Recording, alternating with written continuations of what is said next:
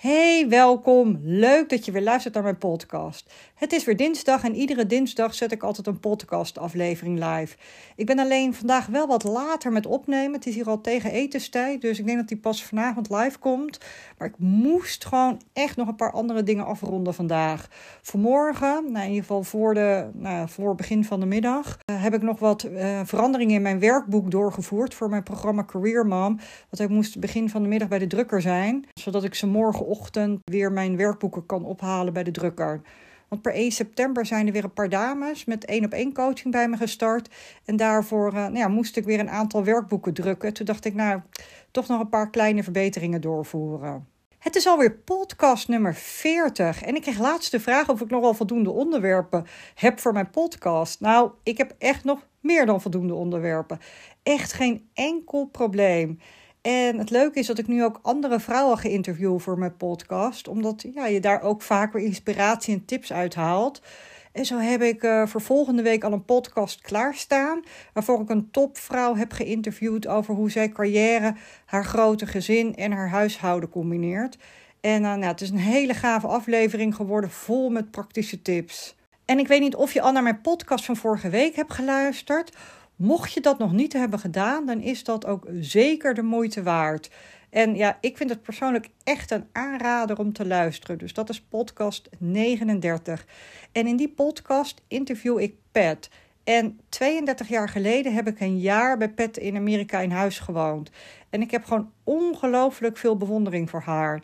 Ze had niet de beste achtergrond en was ook als kind extreem verlegen.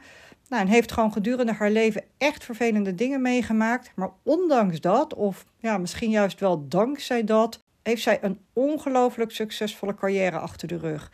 En haar vrijgevigheid, haar positiviteit, weet je, de liefde voor mensen is gewoon heel bijzonder. En ondanks dat ik haar natuurlijk al heel goed ken, inspireerde ze mij ook weer tijdens die podcast. Ze deelt ook zo ontzettend veel waarde. Dus nou, ik vind het dus een aanrader om uh, naar te luisteren. Deze week uh, geen interview, dus je moet het met mij doen. Maar ik wil dat dus een beetje gaan afwisselen de komende maanden. Vandaag in de podcast ga ik het hebben over please gedrag. En dan met name natuurlijk hoe je dat kunt stoppen. Ik weet niet hoe het bij jou zit, maar ik was vroeger echt een pleaser. Dan ja, werd er iets gevraagd. Dan zei ik automatisch: Oh ja, prima. Maar in mijn hoofd dacht ik dan: daar heb ik helemaal geen tijd voor. Of ik krijg er helemaal geen energie van. Of ik kreeg er bijvoorbeeld een heel naar gevoel van. Ik heb daar gelukkig nu goed mee leren omgaan. En ik ga je in deze podcast meenemen hoe je dat het beste kunt doen. Want als jij balans wilt ervaren, is het belangrijk om voor jezelf op te komen. Dus selfcare draait in mijn programma dus niet om nou, met een maskertje in bad liggen. Helemaal prima als je dat natuurlijk wel wil doen. Maar ik vind selfcare, dus echt goed voor jezelf zorgen, vind ik gewoon dat je echt leert om voor jezelf op te komen. En de eerste stap daarin is gewoon het stoppen met pleasen. In ieder geval grotendeels.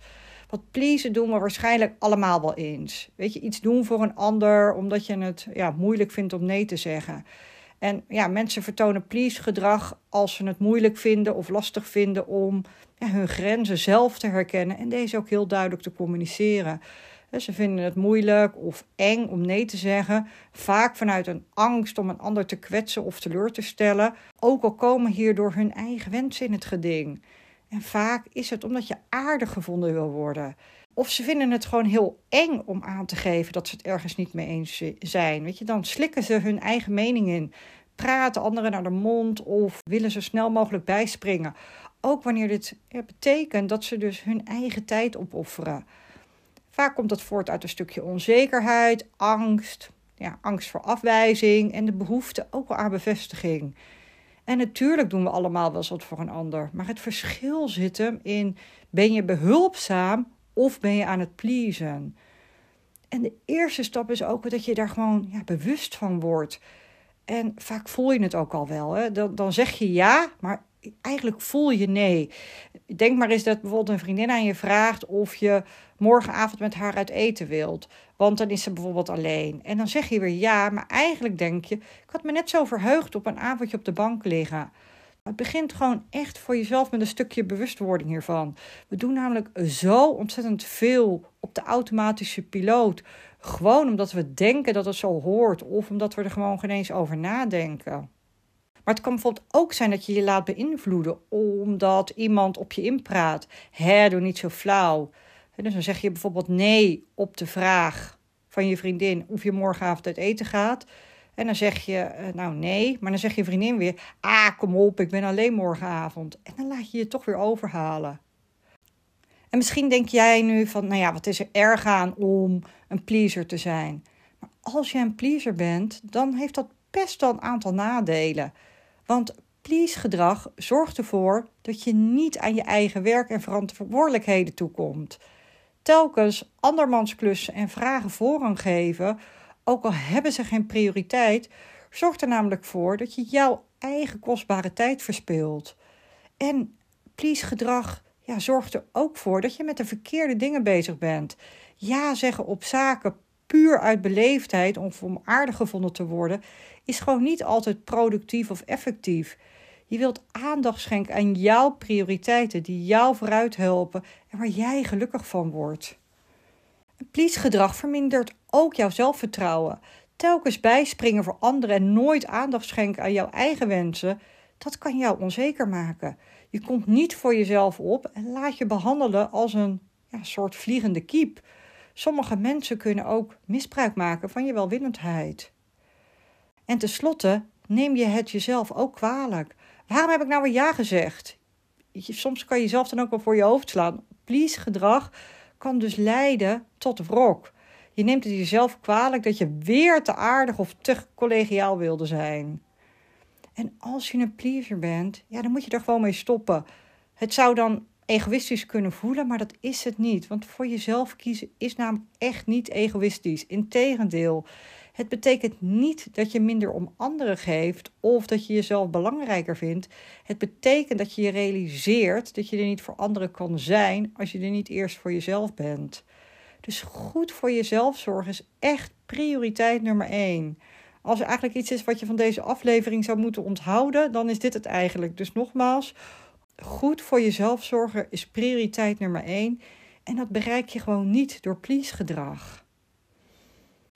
Maar hoe komt het nou dat we zo ontzettend vaak en ook best wel gemakkelijk dat please gedrag vertonen?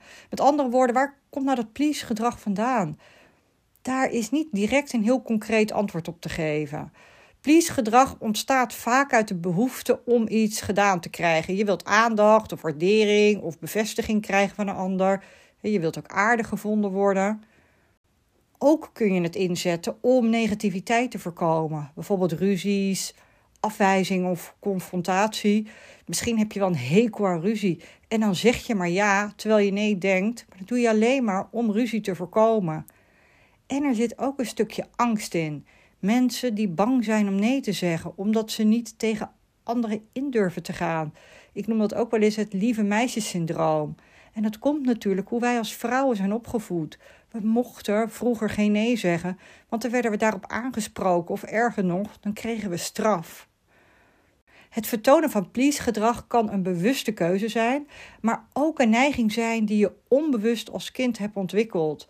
Want wat ik net ook al zei, dat je dan gestraft werd als je nee zei. Of stel je ouders hadden vaak ruzie, dan kan het zijn dat je please-gedrag hebt ontwikkeld om maar te voorkomen dat er geen ruzie meer kwam.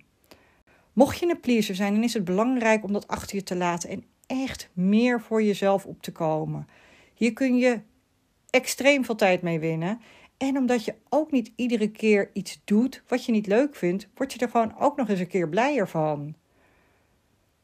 Maar hoe stop je nou dat please gedrag? Ik neem je even mee in drie stappen hoe jij je please gedrag kunt afleren.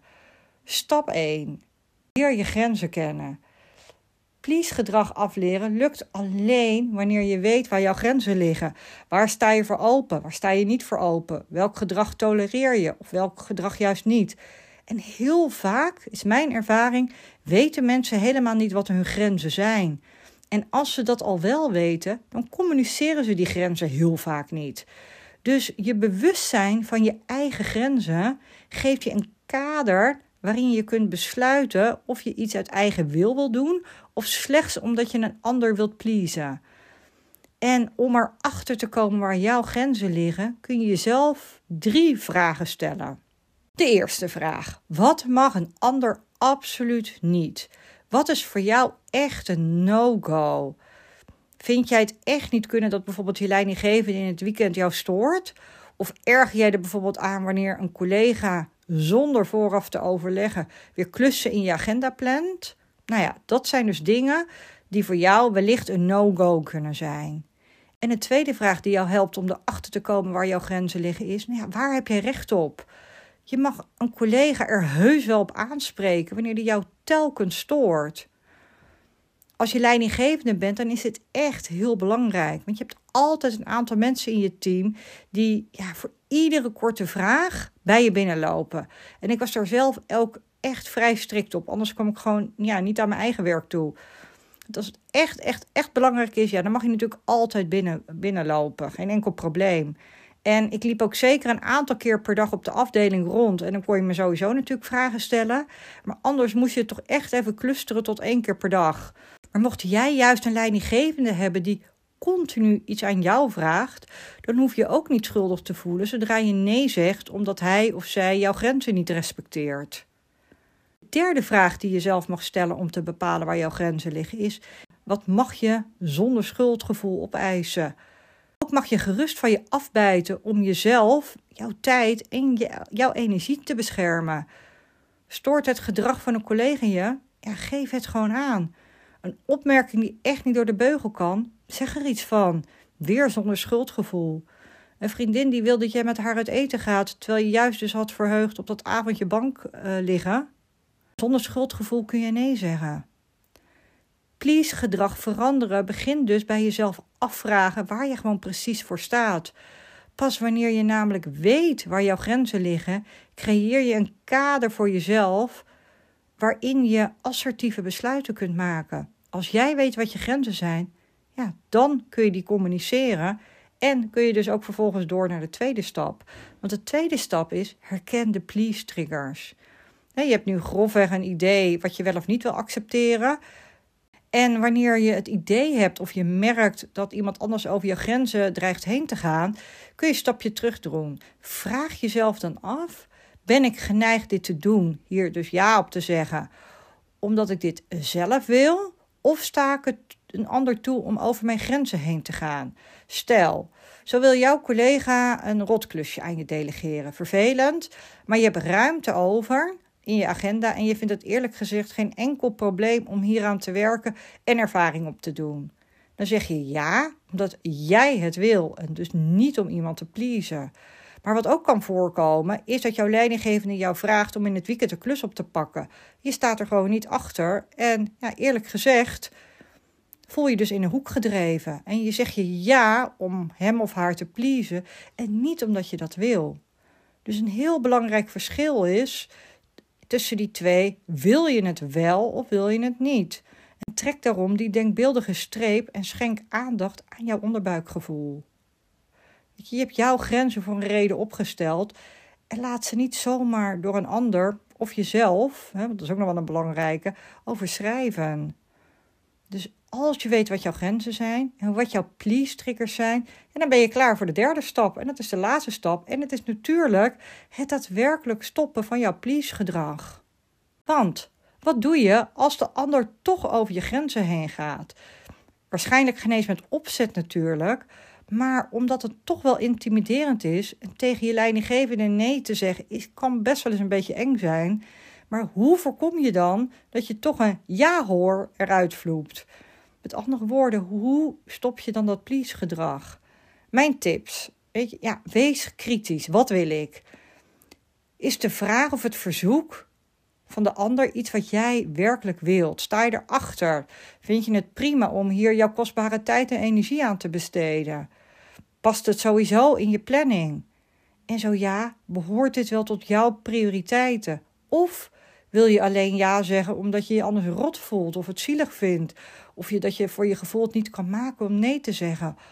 Onthoud dat wanneer je het niet wilt, kunt, moet of hoeft te doen, het gewoon geoorloofd is om iets of iemand af te wijzen zonder schuldgevoel. Ik herhaal deze nog even, want dat is wel een belangrijk ook. Onthoud dat wanneer als je het niet wilt, niet kunt, niet moet of niet hoeft, het gewoon geoorloofd is om iemand af te wijzen zonder schuldgevoel.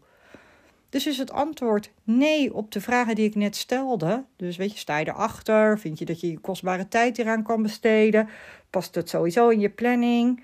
Behoort het tot jouw prioriteit? Als je antwoord daar nee op is, wijs het dan gewoon af. Maar hoe zeg je dan nee? Hoe doe je dat nou? Nou, eigenlijk echt super simpel.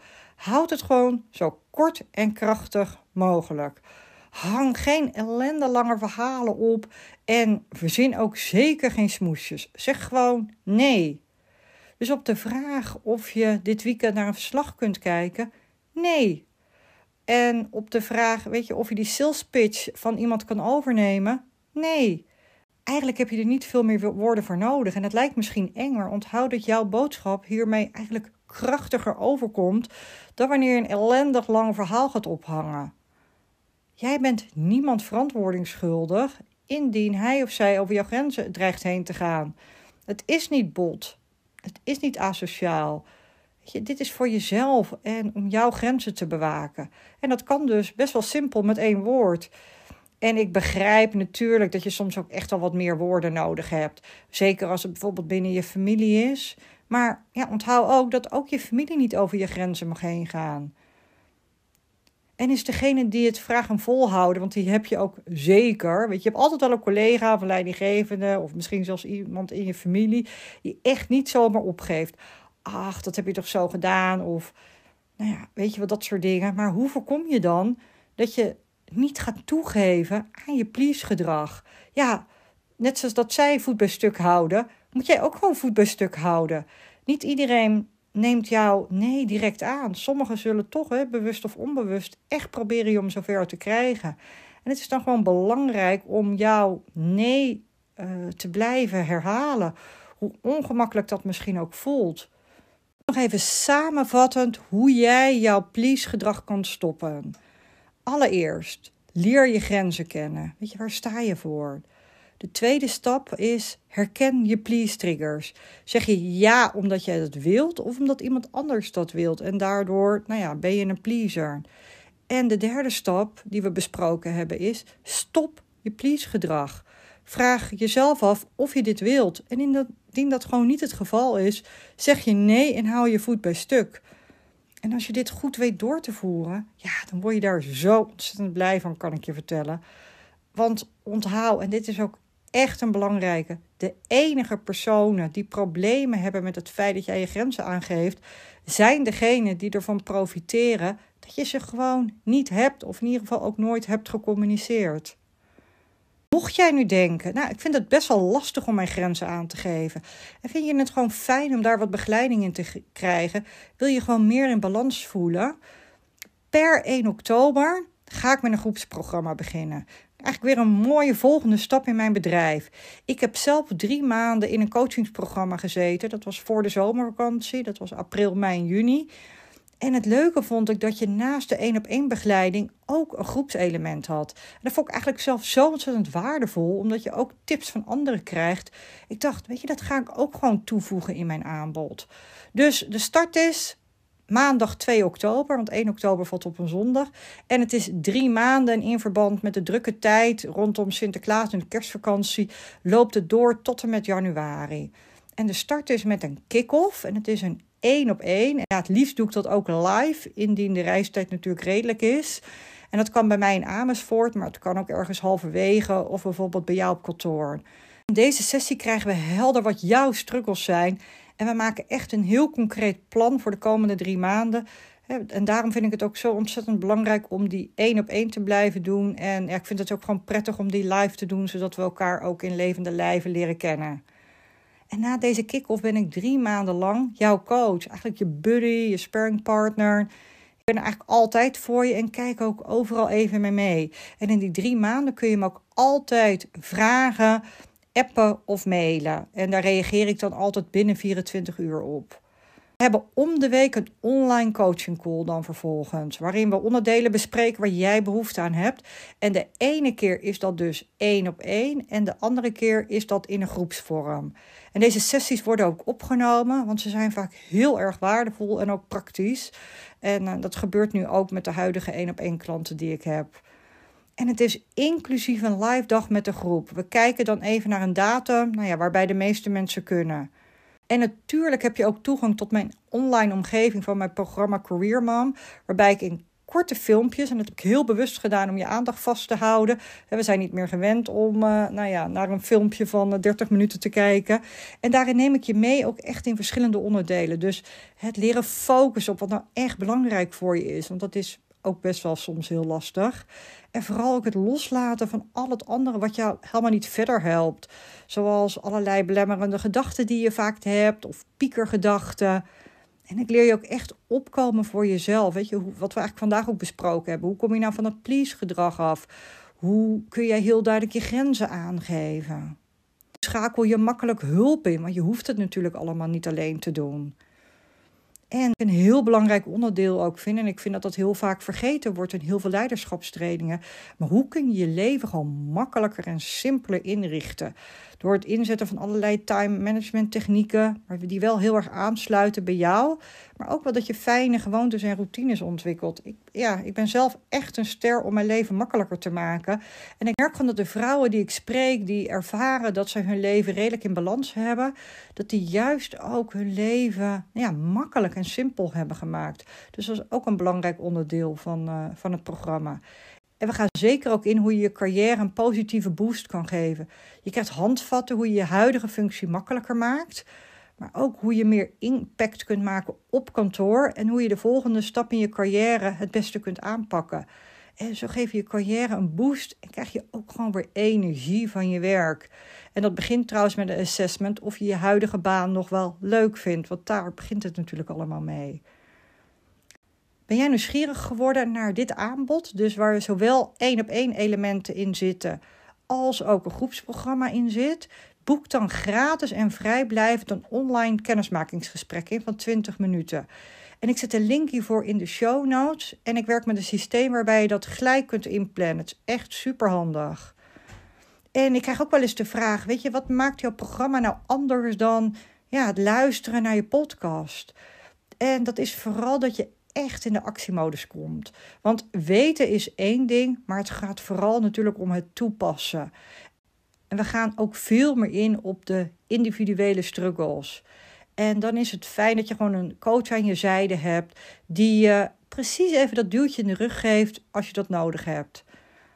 Ik wil jou nog een hele fijne dag toewensen en je weet het, ik geloof in jou.